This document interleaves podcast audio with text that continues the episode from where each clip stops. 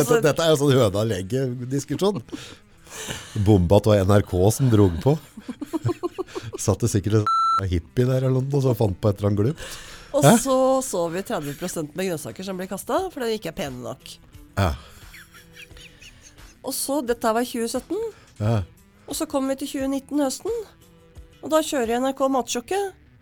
Og da er det jo like, ser vi jo et nytt program med 30% grønnsaker som blir kasta. Ja. Og vi er like sjokkert Hver gang. hver hvert år. Og myndighetene Men 30% blir kasta. Altså, er ja, men jeg kan jo være med på det. Altså, inni- kan, noe kan bli klemt og kan bli dårlig, og sånne at noe må bli slengt. Nei, ikke sant? Bama har egne størrelser for hvordan grønnsakene skal se ut. Og så det har ikke noe med Så råtne eller ikke. løkbonden må si ifra til løken når den plantes i jorda. Du må komme opp 7,5 cm i diameter. Ja. Ellers så blir du kasta. Og dette lar vi Bama og, og gjengen få lov til å drive med. Ja, ja, det er forbrukeren som har skylda. Vi vil ikke ha det. Pissprat.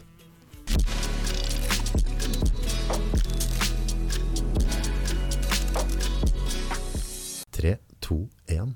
Mariann Tveter, velkommen til Nordpodden. Takk. Hvordan føles det nå? Det føles bra. Føles bra? Ja. Det er ikke helt sånn krise med kamera og alt mulig rart? Nei, nei, det går bra. Det går bra. Du er en dame med litt, eh, kan vi si at det er krutt i deg? Du har en visjon? Halvt italiensk. Akkurat. Og så var det noe viltotning inni bildet her også. Ja, viltotning. det er bra, vet du. Det blir driva. Da blir det drive. Hva er det du jobber med om dagen? Altså heimkunnskap.no. Det er jo noe som bare skyter fart om dagen. Du har jo noen innlegg som blir delt vanvittig mye, og du får mye oppmerksomhet rundt det du driver med. Jeg skriver om uh, norsk landbruk og norsk matproduksjon. Og vi kommer med å publisere en artikkel hver mandag klokken ni. Og det er for å for å um, dele kunnskap og skape kunnskapsbroen mellom bonden og forbrukeren. Ja. Sånn at uh, vi begynner å få kjennskap til eh, hvordan maten vår blir, blir produsert. Før så var det jo, hadde alle en bestemor, eller onkel, tante som øh, var bonde Mhm. og drev jordbruk. Mm. Uh, nå er det 7% av Norges befolkning som har tilknytning til norsk landbruk. Det er ikke mer enn 7% Nei, ikke mer enn 7% Og da forvitrer jo den kunnskapen med, med hva som kreves av kunnskap for å produsere trygg mat. Ja, for der er det noe, det er noe kunnskap for å få til dette landbruket vi har. Ja, det er eh, overraskende mye kunnskap. Hva er det som har fått deg til å ta tak i akkurat dette? Altså, hva, hvorfor er du så engasjert rundt dette med, med, med bonden vår og mat? Ja, det er eh, fire land i verden som produserer 50 av uh, maten til uh, hele verdens befolkning. Og litt overordna så er jo FN eh, bekymret for om klimasjokket slår ned i de to landene samtidig. Og de landene Kina, India, USA og Brasil. Og da betyr det at vi må øke matsikkerheten til Norges befolkning. Klimasjokket, sier du. Altså, mener du at, da, at de ikke klarer å produsere like mye som gjør nå? Er det det du tenker? Tørke, flom. Vi er mye mer utsatt for det. Og det betyr at vi må, FN anbefaler alle land å øke matsikkerheten til egen befolkning. Og da må vi produsere mer mat. Og selvforsyningsgraden i Norge er 40 Ja, og det, det er jo ja, Der har jeg forstått gjennomført. Det er jo kokos. Det er bare tullinger som finner ut at vi skal bare ha 40% av egen produksjon i landet. Altså, for sånn det er nå, så kommer det båter gjennom Suezkanalen osv. med mat til Norge. Suez, Bosporus og Gibraltar. ja, åssen er forholdet der nede? Er det, er det stabilt og trygt og godt, tenker du? Eh, Det er forholdsvis uh, ustabile forhold, og det som er kritisk, er jo omkringliggende land. Med maktpersoner som kan føle posisjonen sin trua hvis det blir mangel på mat i verden. Ja. Men per i dag så er det i hvert fall, altså, seks- altså, vi kommer til å sulte eh, hvis de plugger de kanalene der. Da. Ja, da blir det matmangel.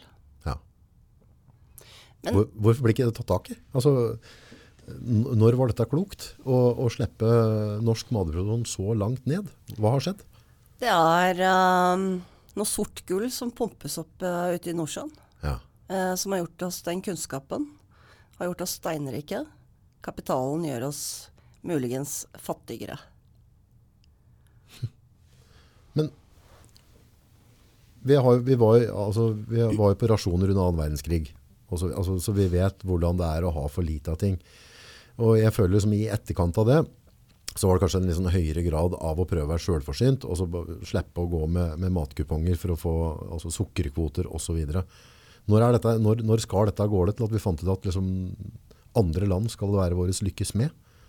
Hvem er det som uh, Hjernen er vel skapt lat, så jo mer penger vi får, jo mindre interessert er vi for oss å jobbe for uh, føden vår. Ja. Men det som er interessant, er jo at uh,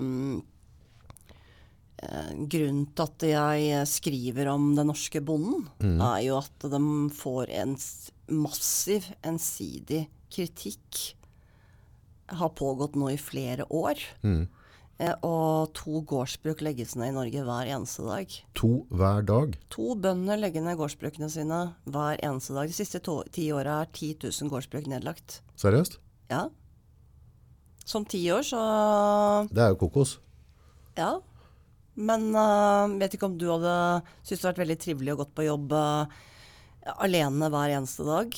Og for å produsere noe kroppen din hadde kroppen hadde behov for tre ganger om dagen for å få ensidig eh, massiv kritikk. Jeg får de så mye kritikk, da? Ja, spis mindre kjøtt har vel versert nå i uh, noen år. Hva er det med disse vegetarianere? Hæ? Hva, hva, hva, er greia? Jeg skjønner at, liksom, at, at vi, vi, lever i et samfunn der vi kan velge og vrake fra øverste hylle og, og spise det vi vil, og vi kan sjalte og sortere litt. Men altså, Men, uh, kaninfôr Norge er, eh, er topografisk skapt med gress. Ja. Vi har 500 millioner fòrenheter av gress til gode i utmark. Ja, som vi, som vi ikke benytter. Som bare visner sånn på høsten. Så, ja. Ja. Så, sånn som uh, det politiske partiet som uh, har uh, kommet med å, den Spis mindre kjøtt, ja. vil jo heie på norsk landbruk. Men du kan jo ikke snakke bonden i og tro at uh, man skal ha bøndene til å produsere andre ting. Hvem er det som har pressa på deg i partiet? Det er vel uh, partiet MDG. Oh, den gjengen der, ja. Det er en fascinerende gjeng, syns jeg. Det kommer en del sånne Jeg syns det er ganske utrolig at man uh, kan snakke en yrkesgruppe ned over så lang tid, og forvente at de likevel skal produsere maten vår. Ja, de skal lage gulrøtter da, sikkert. Jo, vi har ikke mer enn 3 jordbruksareal i Norge. Nei. Og vi kan ikke produsere vi, Sånn som vi kan bytte ut kjøtt med f.eks. bønner. Ja. Men vi kan produsere svært lite belgfrukter i Norge. Ja, sånn, ja. Men hvorfor skal vi dra fornuft oppi dette her, da? Skal det begynne Da forholder de seg ikke til sunn fornuft? Altså, dette er jo, virker som det er en sånn kuleramme. Skyld på andre, og, og, og problemet er løst. Ja. Mm. Så kua får skylda for klimaet. Ja. Mm. Men en av de tingene jeg ønsker å vite mer om nå i dag, det er at jeg vet at du kommer jo fra, fra, fra matbransjen, men på andre sida av dem som sitter og tjener på bønna igjen. Eh, og der har jeg mye sånn type spørsmål rundt det på, på alle de typer kjedene vi har, om prisarbeid og også hele den næringskjeden som egentlig har på en måte tatt over egentlig de, har alle ledda snart. Hva er det for noe? Hva har skjedd? Når, dette, når, når begynte dette å skje? Ja, jeg gikk fra bord til jord. Mm. Fra stilleteller til uh, fjøsstøvler. Ja. Eller fra The Devil's Wear Prada ja. til å vanke med, med sauebønder og kubønder. Hva er de beste gubbestøvlene? Er det Viking fortsatt, eller? Nei. Men hvorfor? Hva, hva, har skjedd? Hva er det som motiverer deg til dette her? Hva er det du reagerer på? Det er jo at vi ser at uh, bonden blir pressa på pris uh, hvert eneste år. Ja. Uh, og dagligvarebransjen spiser seg lenger og lenger inn i verdikjeden norsk matproduksjon. Men er det ikke noen regulering rundt det? Fra statens side? Kan, kan noen liksom ta hele verdikjeden og si at for det, det er litt alvorlig. Mat, liksom. Mat og, mat og, vann. Det må vi på en måte ha. Da. Mat, vann og kirkegårder. Ja. Avgjørende greier. Jeg tror myndighetene sov i timen når, uh, når uh, Rimi bygde distribusjonssentralen sin på Lørenskog i 1995. Okay. Og da kom forretningsmodellen fra dagligvarebransjen om at man skulle tjene penger både på mat ut og inn av butikk. Ja, og hvordan funker den modellen? Hvis, nå, nå kan ikke dette her, men hva, hva, hva, hva, skjedde da i 95? Hva var det som ble den største forskjellen? Ja, Det skjer jo at de distribuerer varene sine selv. Ja. ja. Så, Så de lagervarene Nei, nei. men uh, du får da leverandører som leverer til distribusjonslagre, ja. og så distribueres dette uh, videre rundt til alle butikkene. Ja. ja. Men uh, det som er videreføringen av å spise seg lenger inn i verdikjeden, det er jo egne merkevarer. Dagligvarebutikkens egne merkevarer. Ja. Som gjør at de har fått såpass mye makt at de da kan forhandle seg frem til å få produsert sin egen kjøttdeig, f.eks. Uh, på et foredlingsanlegg. Og ja. Det betyr jo det at uh, etablerte merkevarer, hvis vi tar Gilde, ja. uh, så, så, presser dagligvarebransjen Nortura til å, til å produsere sin egen kjøttdeig. Sitt eget merkevare. Så det, det blir laga på Gilde, men det skal hete noe annet? Ja. Og det betyr jo det at uh, Gilde sin kjøttdeig og karbonadedeig, det får du vel kanskje nå bare i Coop-butikker. Ja. Det betyr at etablerte markenavn uh, mister markedsandeler. Ja, Så de er egentlig bare ute etter å rett og slett ta over hele næringa? Ja, det kan jeg nok tenke meg. De kan nok uh, eie alt uh, Nå ser vi Rema 1000 eier, har bygd sitt eget kyllingfjøs. Har de begynt som gårdbrukere? Ja. Okay. Kyllingfjøs.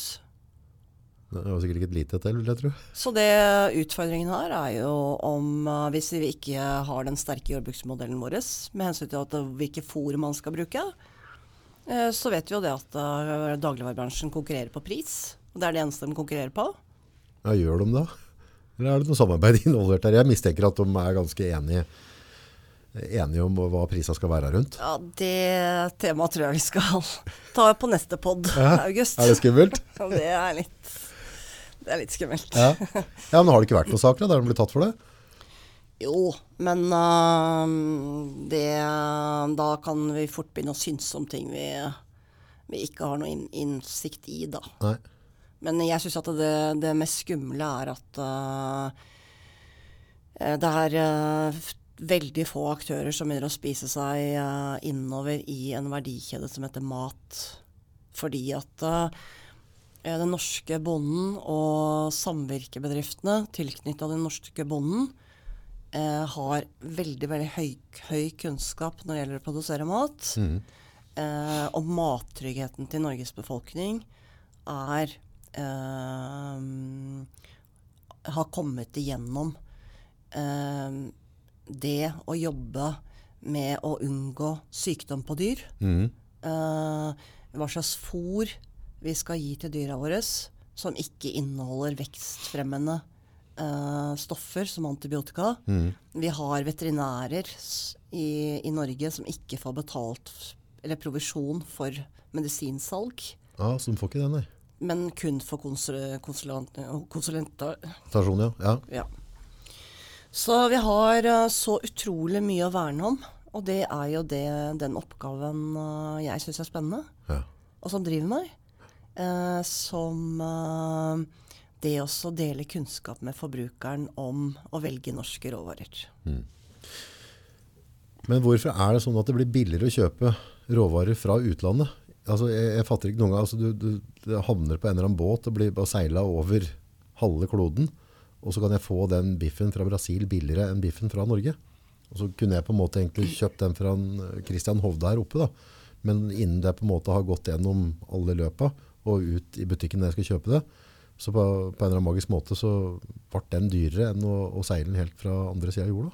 Ja, vi snakker uh, volum, og vi snakker kostnader. Mm. Uh, Norge, bare i forhold til Sverige, så ligger vi 54 over produksjonskostnader enn mm sammenlignet med Sverige. Mm. Så Norge er jo et uh, høykostland når det gjelder å produsere Men kan vi ikke øke volumet i Norge, da? Altså, i, altså Hvis vi er en sånn 40 eller 47 hva det nå enn er, sjølberga av mat, idet vi øker volumet av norskprodusert mat, så vil vi jo få mer effektivitet i den produksjonen òg. Altså ha større kvoter, legge til rette for uh, at, at, landbruket kan få drifte. Da. Ikke, ikke peise ned med alle mulige regler og ikke bygg det nytt fjøs her og ditt og datt og styr. Altså at vi på en måte legger godkjennet til da, for at vi kan øke produksjonen igjen for et høyere volum. Og igjen da eventuelt da på en måte gjøre at det blir rimelig, rimeligere for oss ut i butikk. da. Ja, Nå er vi nesten 100% selvforsynt på kjøtt utenom storfe. Ja. Men uh, det handler også om handelsavtaler. Ok. Ja. Så uh, når vi så nå uh, Mercosur-avtalen i august, hvor næringsministeren la supermodellen vår på bordet for å få solgt fisk. Ja. Det vil si at du legger kua på bordet ja. for å få solgt laks til til de fire landene i Sør-Amerika. Ok, Så du må ta imot ku for å få lov til å levere fisk? Ja. ja. Og det betyr jo det at uh, det er en, uh, en, handelsavtale og en uh, importkvote på 2000 tonn storfekjøtt. Mm. Men det som skjer, det er at dagligvarebransjen har sine egne importfirmaer. Og de kjøper da Eh, kan kjøpe de tollfrie kvotene fra, fra Sør-Amerika, eller som vi har forplikta oss, til å kjøpe. Så dem er tollfrie kvoter? Tollfrie kvoter. 2000, uh, 2000, Ja, men Da skjønner jeg at det blir litt prisforskjell òg, da. Ja. Og så uh, Men det er ikke bare 2000 tonn som kommer inn. Fordi at uh, de kjøper også 2000 tonn med full toll. Okay. Og så kryssubsidierer de disse her i sin eget importfirma. Og så kan de da tilby markedet under den prisen som Norge kan tilby ja. kjøtt. Ja. Da har vi en jobb å gjøre der òg, da. Vi har en jobb å gjøre. Ja. Hva blir løsninga? Hva, hva, hva, tenker du altså for at med heimkunnskap.no, da? Uh, og det innlegget du forfatter hver mandag der. Uh, på hvilken måte tenker du at det kan være med å bidra? Jeg tenker at Når det gjelder storfekjøtt, så har vi en jobb å gjøre. Ja. Jeg tror vi har en jobb å gjøre på spisekvalitet. Ja. Eh, den norske bonden eh, konkurrerer mot kjøtt eh, f.eks. fra Brasil, ja. som du kan spise med teskje. Ja. Og som er ekstremt mørt, mm. og som forbrukeren kan kjøpe til en pris som ligger langt under. Mm. Hvordan den biffen er blitt produsert i Brasil, det kan vi bare tenke oss. Ja. Eh, det er ikke mer regnestykke, liksom? Nei, Vi trenger ikke å komme inn på antibiotikaresistente bakterier. Men uh, det kan jo, vi det ta etterpå. Ja, vi kan ta det etterpå. Ja. Men, uh, men, det vi må gjøre, det er å uh, Jeg tenker at vi må gjøre noe med, med mørningen på norsk storfekjøtt. Mm. Sånn at spisekvaliteten oppleves som den samme mm. fra den biffen vi kan få kjøpt fra utlandet. Mm. og så må vi fortelle historien om om hvordan det storfekjøttet er produsert her i Norge. Mm. Ut til forbrukeren. Og jeg tenker at de norske forbrukere ønsker øh, å bidra til klima, mm. og man ønsker å kjøpe kortreist mat. Mm. Men vi må dele kunnskap om hvordan kjøttet vi produserer i Norge, er produsert. Mm.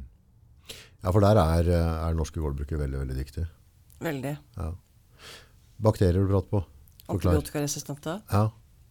Jeg hadde et møte med Er det så farlig å ete kjøtt som har blitt sprøyta med litt sånn medisin? Uh, farlig og farlig, men, men antibiotikaresistente bakterier er jo det som er den største helsetrusselen i verden. Ok. Ja. Det betyr at jo mer forbruk av antibiotika, jo flere bakterier blir resistente. De lærer seg til å ikke bry seg om Bakteriene er mye smartere enn oss. Ja. Så de kriger for å overleve. Ja. Så eh, ved å bruke antibiotika i fôret til, til, dyr, gjør jo det at flere eh, bakterier blir resistente. Okay. Eh, resistente bakterier det er 100 millioner tilfeller av uh, gonoré årlig. Ja. De bakteriene er, er um, i ferd med å bli resistente. Så du får ikke medisin mot det til slutt? Nei, du får kronisk gonoré. Flott. Så, uh, og da er du mer utsatt for hepatitt B og hiv. Å, Ja. så du blir mer mottakelig for både hepatitt B og hiv hvis du har gonoré? Hvis du har antibiotikaresistente bakterier i kroppen. Eh, det, som, det som er den største uh, faren, er jo at, uh, at eh, antibiotika, som er livsviktige medisiner, som du er nødt for å ha til operasjoner og eventuelt eh, kreftbehandling Ja. du kan, ikke, du kan ikke gjøre disse forskjellige eh, operasjonene uten at du har antibiotika. Ok, så du må ha det i botten. Og da gjør vi oss en det- du kan bjørnetjeneste. Si om ti år så kan du overleve av kreft, men dør av en infeksjon. Ja.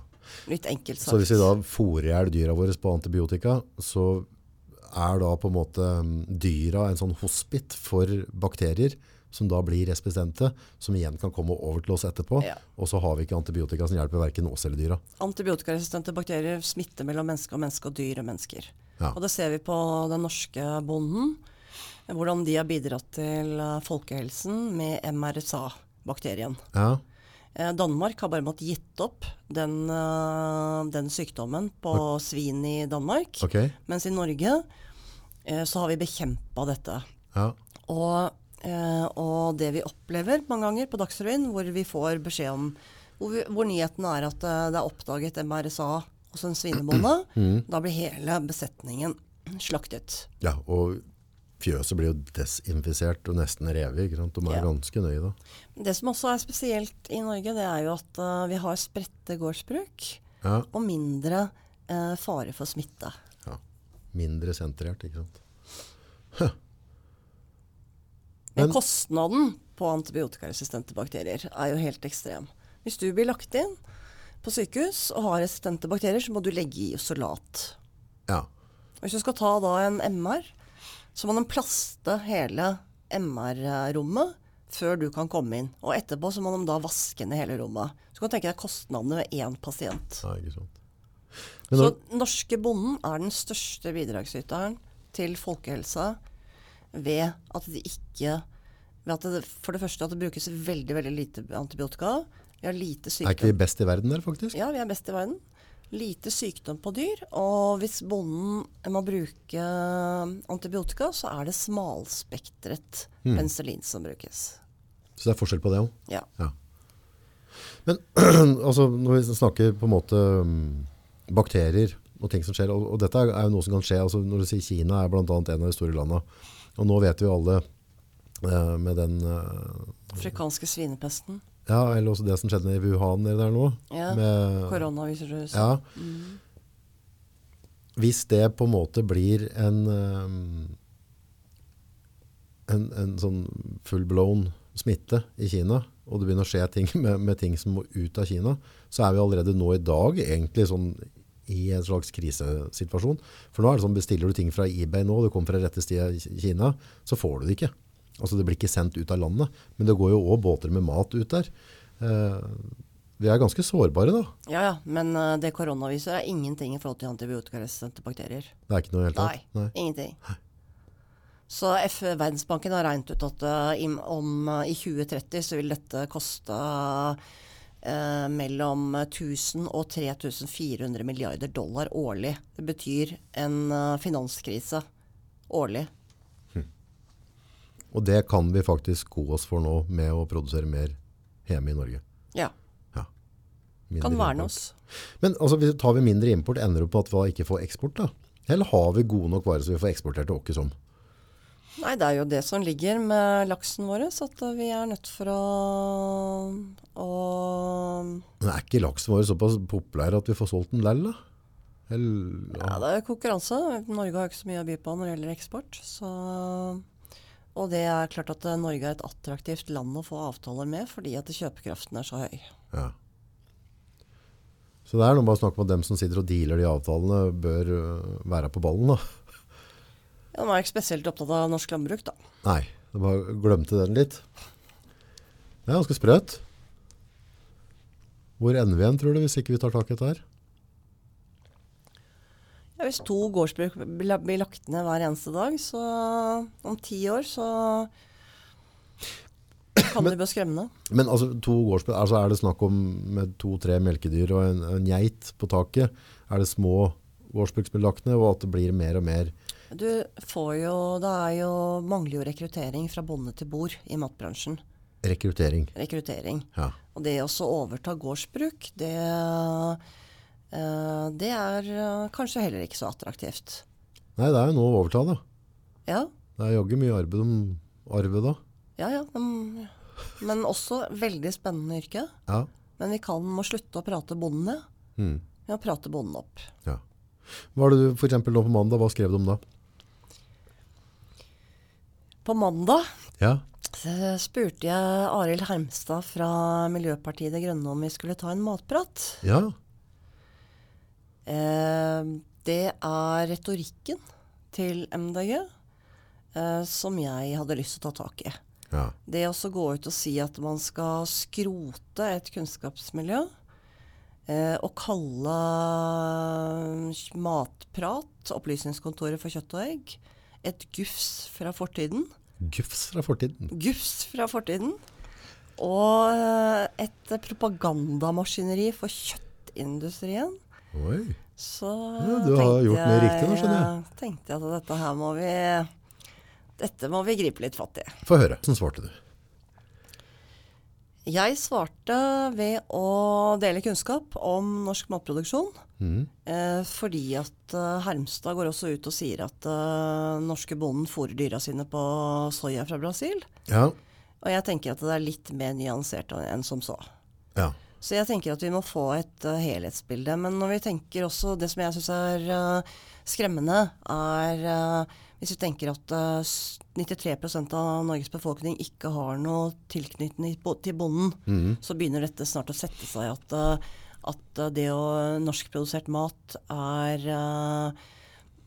er i den ja, er på den måten som blir fremstilt i media så syns jeg retorikken som blir brukt, eh, bør begynne å debatteres.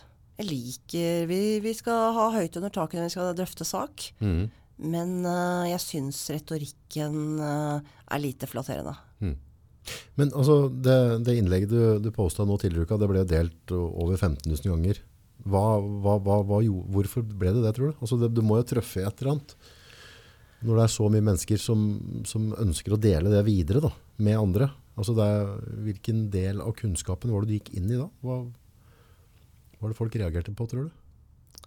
Jeg tror at det å tørre å ta det bladet for munnen med hensyn til den retorikken som blir ført, mm. så syns jeg at den eh, Det var 15 300 som delte det innlegget. Mm. Men eh, en mjølkebonde fra Fagernes som delte innlegget og skrev 'Endelig eh, noen som tør å si det bonden tenker'. Mm. Det eh, er verdifullt for meg. Da har jeg truffet en nerve, og jeg skjønner at det er behov for uh, å, å komme med uh, kunnskap den andre veien. Hva kan, kan vi som, uh, som sitter og hører på nå, hva, hva kan vi gjøre for å være med og, og, og styrke kan er nysgjerrig på hvordan norsk mat blir produsert. Uh, og jeg tenker det at uh, det å tenke om uh, Ja, er det, noen, er det noen andre yrkesgrupper som har flere skjellsord? Bondeknøl, bonde i byen. Jævla bonde. Ja, bonde har blitt hengt ut litt, og det var liksom, jeg tror, den, den subsidieringen da, det systemet som har vært opp igjennom, der er det veldig mange som har reagert sånn generelt, tror jeg, på å liksom føle at staten bruker veldig mye penger på det. Men, eh, men sånn er det uansett, hvordan firma du driver. Altså, noen ganger kan du på en måte ha en subsidiert avdeling. Ikke alle avdelingene kan uh, se ut som tjener penger, men vi er helt avhengig av at den avdelingen er der for at de avdelingene som tjener penger skal eksistere. Uh, og det er kanskje der folk har bomma litt, da, med tanke på at liksom hvis staten har skjøtet inn noen kroner for at du skal legge til rette for gårdbruk, så har vi glemt at eh, staten subsidierer jo ikke bonden. Vi, det er jo du og jeg som blir subsidiert som gjør at vi får maten på asjetten. Jeg tenker at bonden har et samfunnsoppdrag. Og Norge er det siste landet i verden med jordbruksavtale. Jordbruksavtale, hva legger du i det? Jordbruksavtale er en avtale mellom bonde og stat. Ja, Bonden får overført midler ved at man, øh, man leverer varer. Mhm. Og jeg tenker det at uh, mat eh, Det kan virke som at vi glemmer at det er mat vi lever av. ja, Ja, innimellom så gjør vi det. At, jeg ikke, at eh, det er noe vi er ekstremt sårbare på. Men uh, de fleste som bor i Norge nå, har jo ikke opplevd sult. Nei, Har ikke opplevd å legge seg sulten. Nei. Men uh, man overfører 15 milliarder eh, hvert eneste år. Eh, eller det var siste jordbruksavtale, ca. 15 milliarder til landbruket. Ja. Uh, uh, hvis vi skal sammenligne det Bonden gjør også har eller opprettholder fellesgoder, mm. som åpent kulturlandskap. Mhm. Eh, de skaper verdier i distriktene. mm. Og de skaper verdier lokalt, regionalt og nasjonalt. Og de skaper også verdier for oss med trygg mat. Mm. Så skal, så, så, så, slik at vi kan skape verdier. Eh, hvis vi skal sammenligne de 15 milliardene som blir overført til jordbruket, så er eh, Nav-budsjettet på ca. 470 milliarder. 470. 470 milliarder årlig. Spesielt. Sykehusbudsjettet er på f- 100 og 140. Ja. Politi for 22. Ja. Men det er maten vi lever av. Det er maten vi lever av. 15 milliarder. Ja. Stusslige 15 milliarder. Det er jo kokos. 470 milliarder på Nav-budsjettet. Ja. Tenk på det. Til 5 millioner mennesker. Ja. ja, det er litt spesielt. Hvordan klarer de å bruke så mye penger i Nav? da? Kan du si, hva faen skjer? Det er, det er mye penger, altså. 470 milliarder. Ja. Ja, det er ekstremt mye. Ja. Men vi har ikke karensdager i Norge, men det er en helt annen pod, ja. August. Nei, her er det bare å vingle på. Det her er bare å vingle på. Ja, men det er jo et eller annet som er helt fundament galt. Altså, med, med det, dette her, her har vi rota oss bort på en eller annen måte. Ja, jeg syns at vi skal ta den drøftelsen. Ja. Debatten. ja. Hva betyr, eh, hva betyr det å ha matsikkerhet til egen befolkning? Det betyr alt. Altså, har du ikke mat, så, så hadde ikke vi klart å sitte her nå. Så mat må vi jo ha, da. Har, du- har vi ikke mat, så blir det krig. Ja. Det har vi jo sett i historien tidligere. At det kan fort bli trøbbel der. Nei, jeg syns det virker helt komplett kokos at vi nå er at 60% av maten vår skal gjennom andre land som vi alle vet ikke er like stabilt som mellom grensa mellom Norge og Sverige. Da. Vi frakter jo, vi frakter jo mat jorda rundt. Eh, Hva er poenget med det, liksom? Det var jo for noen siden, for, for noen år siden så var det en bonde på Stange som heiv 55 tonn med løk på jorda. Ja, Løken var for liten for strømpa. ja. Samtidig så importer, importerte Bama løk fra New Zealand som passa i strømpa. Dagligvarebransjen har begynt å sette standarder på hvordan maten som kommer opp av jorda skal se ut. Det er jo et par altså, folk som skulle hatt seg en på snørra. Derfor så kaster kaster vi også 30 av uh, produserte grønnsaker. Vi kaster ikke det. Poteten er for stygg i august. Nei! Kødder du nå, eller? Nei. Det er Bama. Det er gjengen der, blant annet. Potetene er for stygge. Ja. Jo, men det er til å grine av når en bonde må kaste 55 tonn løk på jorda. For at den ikke passer i strømpa. For at den ikke passer i løkstrømpa. Og så kan du, Det er kan at, du det gå er på butikken. det er, det er ikke rart at Nav har høyt budsjett. da. Det er jo faen knekk med mye gærne folk. Ja, så kan du gå på butikken etterpå så kan du sjekke kilosprisen på løkstrømpa i forhold til den løken i, i eske. Ja. Én av fem, eh, en av ti, eh, eller en av fem nordmenn bor jo alene. Ja, ja. Ja, vi trenger ikke løk i strømpe. Vi trenger ikke løk, stor løk i strømpe. Nei. Det som har skjedd med grønt, frukt og grønt eh, produksjonen, er at det ikke er mottaksplikt på frukt og grønt i Norge.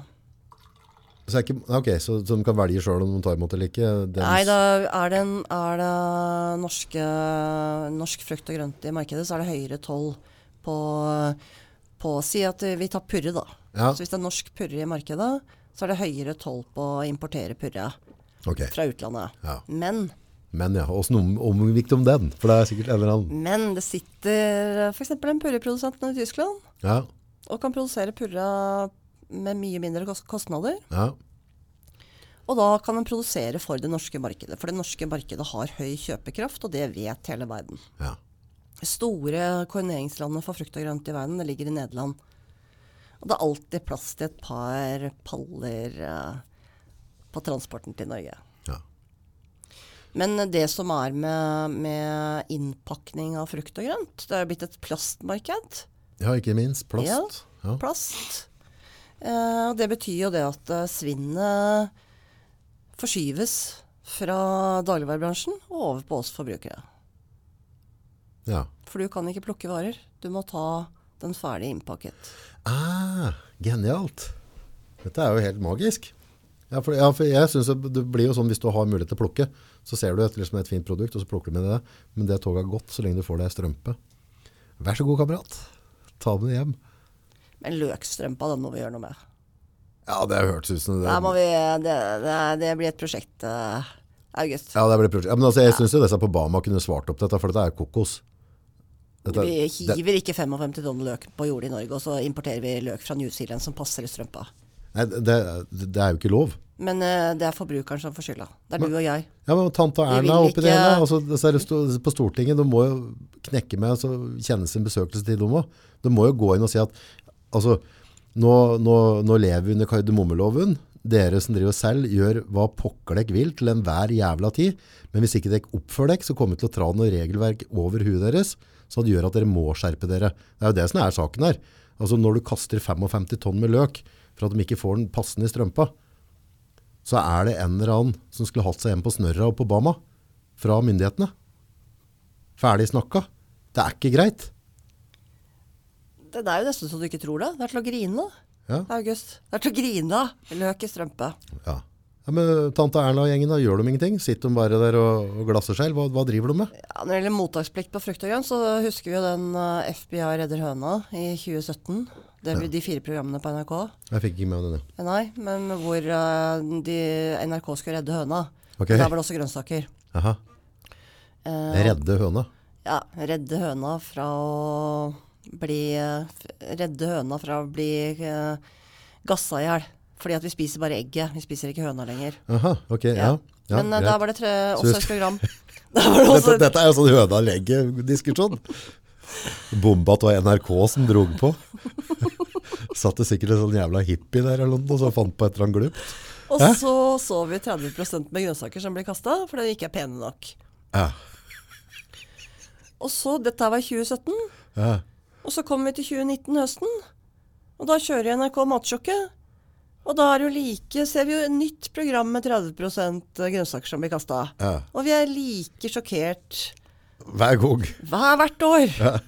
Og myndighetene Men 30% blir kasta. Altså er ja, jeg kan jo være med på det. Altså, inni- kan, noe kan bli klemt og kan bli dårlig, og sånt, at noe må bli slengt. Nei, ikke sant? Bama har egne størrelser for hvordan grønnsakene skal se ut. Og så det har ikke noe med Så råtne eller ikke. løkbonden må si ifra til løken når den plantes i jorda. Du må komme opp 7,5 cm i diameter. Ja. Ellers så blir du kasta. Og dette lar vi Bama og, og gjengen få lov til å drive med. Ja, ja, det er forbrukeren som har skylda. Vi vil ikke ha det. Pissprat. Det er jo det. Det, det er jo ikke sånn Vi hadde jo ikke gått ut i streik hvis vi ikke fikk løken i strømpe mer. Det er ikke sånn Nei, nå, nå gidder jeg ikke være norsk. Jeg flytter, jeg flytter til Sverige. Jeg har ikke løkstrømpe. Dette her gidder jeg ikke mer. Det er jo ikke sånn det funker. Så Men det er jo, det her må jo Stortinget på plass. Altså, denne kardemommeloven har jo gått beint ut av vinduet. Så løken ligger jo 14 dager på jorda og tørker, derfor får du hardt skall. Så den kan jo lagres. Så den trenger ikke strømpe for å lagres. Nei, nei. Nei. nei. Men du, kan jo få, du får jo solgt eh, ja, Løk i strømpe koster vel eh, 40 kroner kiloen, mens eh, småløk eh, koster 16,90. Ja. Da har jeg en klar oppfordring for dere som gidder å høre på oss her nå i dag. Ta slutt å kjøpe løk i strømpe. Så kan Ja. være eh, strømpegjengen få lov til å sitte der. Kjøp løk, løs, løk i løsvekt. Ja. Du, apropos butikka. Dette er eh, automat og blipp-systemet. Det kjenner jeg irriterer meg litt. At du på en måte har sånn sjølbetjente kasser nå. nå skal de, altså, det er jo ikke noe sånn der, kjempehemmelighet at disse matfolka, de som er i butikken, tjener penger. Altså, det går jo rundt, for å si det sånn. Men det, skal de liksom ikke, skal de ikke bidra med noen arbeidsplasser der mer, eller? Skal vi ta bort de arbeidsplassene? Er det sånn at vi, først skal vi betale en pris for produktet som gjør at de går med et forholdsvis smukt overskudd i året, men vi skal jaggu gjøre jobben sjøl òg? Er det det som er det neste? Ja, men sånn som når det gjelder uh, utebutikk, så er det, det er jo tøff konkurranse i daglig, dagligvarebransjen. Ekstremt tøff konkurranse. Fordi at eh, vi som forbrukere er blitt prislobotomert de siste 30 åra. Ja. Så det eneste vi tenker på, eh, det er jo Det eneste dagligvarebransjen konkurrerer på, det er jo pris. ja, men de tjener penger. Det er jo ikke akkurat sånn at liksom De bikker jo ikke. Nei, de tjener jo penger på, eh, på, på flere og flere ledd. Ja. Men eh, det er tøffe Det er tøff konkurranse ute i, ute i butikk. Jo, jo, men hvis, hvis leddet før butikk, hvis jeg eier leddet før butikk, og så tjener jeg fett der, og så sitter jeg og sutrer på at jeg tjener dårlig i butikken, så gjelder jo ikke det helt da, hvis jeg har på en måte laget kunstige priser i det leddet jeg eide før det kom til butikken. Dette er jo bandittstreker. Kompliserte Hæ? Kompliserte forretningsmodeller, August. Ja, det tror jeg ikke er så veldig komplisert, eller? Det høres ut skikkelig røvestrek. Ja, de tjener penger. Jeg vet ikke hva, hva disse største kjedene tjener nå, Norgesgruppen har vel tre milliarder på bunnlinja. ja, som sitter igjen med. Ja, det er jo, det blir en fest, det. Det er, Liten fest. ja, altså det, er, det er i hvert fall nok penger til at de kan sylte litt, så hvis de går noe dårlig tider i møte, så, så, så tåler de en måned eller to da, med sviktende omsetning. Så bør de berge den. Og det har de gjort i hvor mange år? Ja, det starta i 95. Og så vet vi jo alle som, som følger med litt på næringa rundt, øh, hva som står at de tjener på båndlinja. Det er jo én ting, men hva de virkelig tjener gjennom andre paraplyselskaper som de mjølker penger ut, det er en helt annen sak. Det er de tre mille der, det de ikke klart å gjemme. Men jeg tenker at eh, sånn som eh, Jeg tror myndighetene sov i timen i 1995 når man begynner å skal tjene penger på varene sine ut og inn av butikk og spiser seg lenger og lenger inn i verdikjeden. Ja. Det betyr at foredlingsleddet etter bonden eh, blir eh, blir skvisa på pris år etter år. Eh, og jeg tenker det at du har lov til å eie salgsleddet. Du har ikke lov til å eie distribusjon. Du har heller ikke lov til å, å eie foredling, samtidig som du eier salgsstedet. Nei, det er en fair vi greie. snakker mat Vi snakker Ja, ja, ikke jeg, det er- av at det er mat. Ja, hadde det vært på en måte sagflis, så hadde det vært en annen sak. Ja. Men det ser jo på en måte, hvis du nå har ikke vært inne og sjekka nå, hvis du går inn på Norges rå, øh, råfisklag og, og sjekker for eksempel torskeprisa nå, da. Nå er vi jo i den skreisesongen fra, fra Lofoten oppover. Tipperen ligger mellom 13 og 17 kroner kiloen. Og da snakker vi sånn den kvaliteten skal bli lagt på is og sendt ned til Paris. Der liksom de sjefa bare står og, og sliper kniver og er klare til å servere. Det er top notch produkt. Eh, Noe av det bedre i verden. Eh, og så får fiskeren som da står ute i vær og vind, eh, og skal vedlikeholde båt og diverse, eh, type 14-15-16 kroner kiloen, og så selger de det på butikken for 180. Hva, hva skjer imellom? Altså, jeg, jeg skjønner jo det at, at eh, men fiskeren er ute, han sløyer den, vasker den, legger den på is, kommer inn da på kaia, der står det også noen folk klare, pakker det og gjør det ferdig på en måte. Så er noe av det skal jo på en måte fileteres og sånne ting, det er automatiske maskiner som gjør det. Eh, og så skal det transporteres ned, og det er en beta å kjøre ned fra type Nord-Norge-Finnmark, jeg er med på den, men eh, må være måte på da. Men det er lite volum i Norge når du tenker at uh, med hensyn til kostnadene om, om hvordan Norge er eh, Distribusjonen i Norge er lang. Ja, Så, så det er jo store kostnader ved at vi kun er fem millioner mennesker. ja da, ja da. Så det er lite volum i forhold til hva volum virkelig er. Ja da. Jo, sånn sett, så, ja, klart jeg ser den volumgreia, men altså fyller du vogntog da, så sier at du har med seg 30 tonn nedover, og så tar du, sier at de da har en fortjeneste, la oss si de gir 14, og så selger de ut i butikk, og du eier begge ledda eh, for 180 da, så er det noen kroner per kilo. Jeg tror også det at hvis vi vil ha Norge er jo Vi har en gudegave med, med villfisken vår. Ja, er helt konge. Med kjøttet vårt. Ja, ja, ja. Med grønnsakene våre. Eh, så jeg tror også forbrukeren må tenke at eh, har, ønsker å opprettholde dette her, så er vi villige til å betale det maten koster. Ja, og så er det jo litt uh, forhold til at vi informerer da, for eksempel så rottpunga som driver med disse løkstrømpa, at vi, at vi blir får bukt med dette opplegget der, for dette er bare noe forbanna jåleri. Du kan si at den mottaksplikten, den må vi begynne å jobbe med, mottaksplikten på frukt og grønt. Ja. Eh, Da 20 slår vi et slag for vegetarianere og I 2018 høykass og greier. Ja, i 2018 så var det en blomkålbonde. Jeg husker tørkesommeren 2018. Ja, ja, stygg den. Ja, en, eh, fordi at grønnsaksbønder har, eh, jobber etter produksjonsplaner. Ja, Så at du må ha avtaler og, og produksjoner. Det må, du begynne, det må du ha før du begynner å sette i gang med produksjon av grønnsaker. ok, ok, så du skal ha planlagt hvor mye du sår. Ja, Hvor mye du, Planter, du ja. skal selge. Ja. Men da var det en blomkålbonde som jobba dag og natt hele sommeren for å redde avlinga si. Ja, Da fikk han beskjed fra salgsleddet at uh, han var en uke for seint ute. Så han holdt på å brenne inne med hele avlingen. Og det betyr at bonden, som er grønnsaksbonde, risikerer jo Det er jo han som tar risken. uke for sen, altså, har de ikke fått med seg at der, eh, når ting gror ut av bakken, så er det ikke alt du er- styrer, eller? Det er høy avanse på, på frukt og grønt i, fra, i butikk. Ja, Det kan ligge fra mellom 30 til 40% brutto. ja. Eh, og det er klart at uh, importert, uh, importert frukt og grønt òg Mm. ja, det er høy avanse.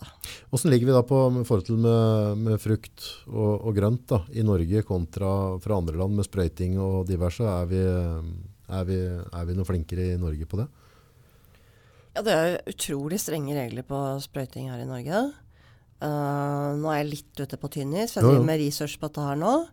Uh, men Dagbladet var jo ute med en artikkel i fjor våres Mm. uh, som, som definerte hvilke land som brukte de, de farligste plantevernmidlene. Ja. Ja. Og Spania er jo en av dem. ja, og der får vi litt Får litt frukt og grønt fra Spania. ja. Mm. Men uh, jeg kan jo ikke si at uh, de råvarene inneholder det, for det, det Nei, handler jo om Da må vi jo gå opp Jeg må gjøre research på å finne ut hvilke råvarer kommer til Norge. ja. Men Mattilsynet har jo tatt prøver som viser at uh, det er forholdsvis farlig gift som uh, også har kommet inn i, i uh, grønnsaksfiskene her i Norge. Ja. Mm. Visste du at uh, av de noe av der vi får oss mest kjemikalier daglig, er gjennom kaffen? Nei.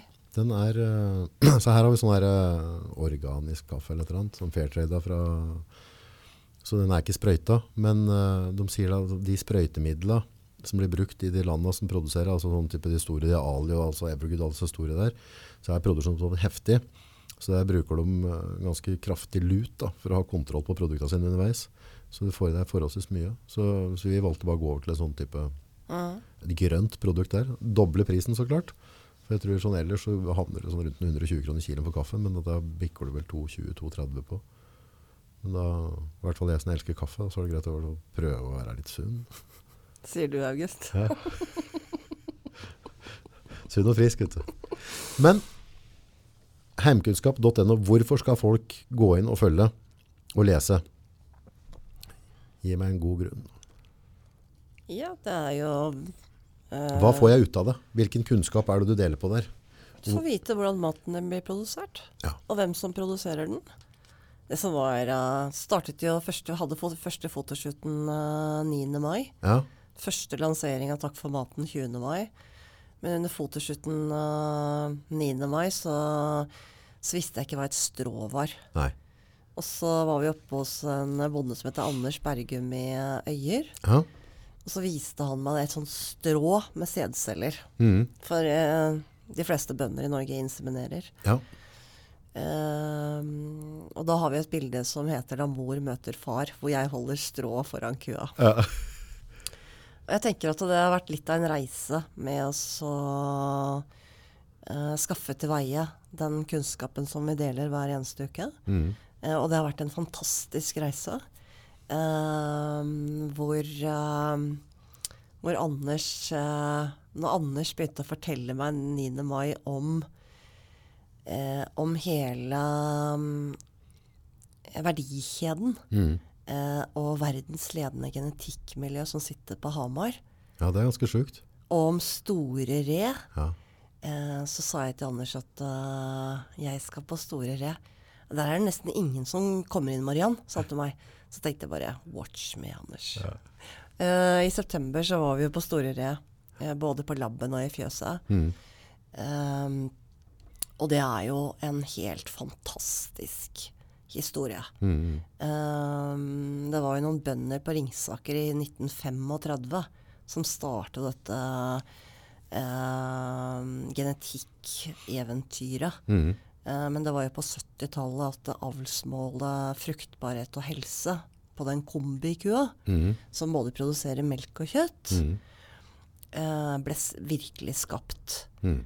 Eh, I dag eh, så eksporterer vi 10 000 strå, og ett strå inneholder 12 millioner sædceller. Og vi eksporterer 10 000 strå til 30 land hver eneste uke. Tenk på det. Det er ganske Eh, sprøtt. Fra Hamar. Fra Hamar. Det starta jo på 70-tallet. Eh, eh, og det er jo eneste eh, mulig å si Eller eh, å, å sette et mål på 70-tallet. Mm. Ja, vi, et, vi setter et mål nå som vi kanskje når om 40 år. Tenk på det. Det kunne ikke jeg sagt til min tidligere sjef, Nei. Stein Erik Hagen. Nei. Da hadde jo øh, jeg blitt ledd av. Ja. Eh, Det hadde ikke vært mulig i næringslivet. Nei. Men det er jo det som er øh, med, samvirke, med samvirkebedrifter Mm. som er knytta til bonden, Mm. er at uh, man er nødt for å ha et langsiktig mål. Mm. Det tar eh, ni, ni måneder å produsere en kalv, Mm. Mm. og før hun begynner å melke, så tar det eh, tre år. Mm. Men på 70-tallet så satt man da avl, eh, avlsmålet fruktbarhet og helse. Mm. Hele verden lo oss. Mm. For de sa at det, det er ikke sikkert at dere når. Mm. Og hvis dere når det, så ser dere ikke resultatet før om 40 år. Men da vet du hvordan nordmenn er når man sier sånt. Når, når hele verden sier, ler av oss og sier at eh, dette her greier dere ikke. Vi er jo cowboyer. Er cowboyer. Det som er det mest imponerende, er at dette er før internetts tid. Ikke minst. Ja. Så det å så avle frem på fruktbarhet og helse, det betyr papir og blyant, konvolutt og frimarked. Ja. Og alle de som var involvert i å, å, eh, å nå dette målet her, som var involvert på reisen, er jo bonden, veterinæren, eh, slakteren, Mm. Tine med kukontrollen, Geno eh, med, med, med avlen, Mm. eh, slakterier, meierier. Alle disse har vært involvert i det. Mm. Når du tenker på en måte at eh, 40 år fram i tid, og alle de menneskene som er involvert, så hadde ikke det vært mulig uten samvirkemodellen. Mm. I 2015 eh, så, så ble NRF-kua en av verdens mest solgte røde raser, da. Kult. Mm, det er kult. Det, og det sitter her på Hamar. Med Innland, eller? Mm. Innlandet. Ja. Ja. Det er Skulle hatt en egen flaggdag. Er egen flaggdag for det, ja. Spermdagen. Burde stått i Hamar Arbeiderblad hver eneste måned. Ja. Hver eneste uke. Ja. Hvor mange strå er eksportert denne uka her? Ja. Ja. Ja, det er ganske stas. Det som er litt interessant, er jo at, en bakgrunnen din eh, stemmer jo ikke helt overens med det du driver med, og da tenker jeg da får vi jo kanskje stilt de riktige spørsmåla. Det som interesserer oss. Eh, jeg tror, jeg tror det, det er en gave i seg sjøl at, den, på en måte, at når, du, når du sto her nå, for snart et år siden noe, og, og begynte å, å, dykke ned i det, så er det litt ålreit noen ganger å få et blikk fra utsida, ikke direkte fra faget. Ikke det at det de, dem som driver faget er noe gærent, men noen ganger så ser vi som står på utsida på en annen måte. Og kanskje du klarer å stille de riktige spørsmåla og komme med de riktige svara, som at jeg får noe ut av det. da. Istedenfor at det blir for kludrete, sånn at jeg på en måte ikke klarer å få en sammenheng i det. ja, jeg tror det er en fordel at jeg ikke er bonde. Mm. Ikke gift med noen bonde. Mm. Ikke kan jeg huske at jeg har gått til sengs med noen bonde i august. Men eh, det også så, eh, skape troverdighet eh, hos forbrukeren Ja. gjør at jeg eh, kan skrive helt annerledes enn f.eks. bedrifter knytta opp mot bonden. Mm, mm, Eh, fordi at de har helt andre hensyn å ta. mm. Men så ser jeg jo også ting på en annen måte enn de som, eh, som er i landbruket, eller ansatt i landbruket. Så bra. Og drar jo sammen den erfaringen jeg har fra tolv år i daglig, dagligvarebransjen.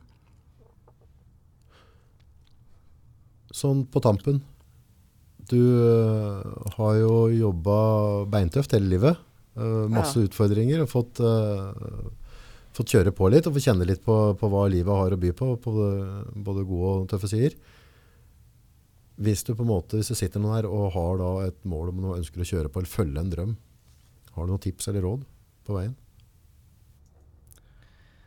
Å følge drømmen din ja, Det handler om å aldri gi opp. Men det er beintøft. Jeg har nesten ikke et klesplagg hjemme det ikke er hull i. Det er hull i alt fra treningsbukser til slagstøvler. Du må være villig til å knipe på deodoranten en uke. Det er beintøft økonomisk. Ja. Uh, og det er um, eh, Det å bygge opp en bedrift fra ingenting Ja. ja, Det er godt man ikke veit hva man skal gjennom. Mm. Fordi at uh, du skal produsere innhold. Du skal ha med deg kapital. Mm. Eh, dette her må du gjøre parallelt Mm. gjennom flere år. Da har vi høna lege. Det er høna lege. Den er vanskelig. Og begge deler. Ja. Du skal tåle litt da. Ja. Men uh, Er det verdt det? Det veit jeg ikke ennå, August.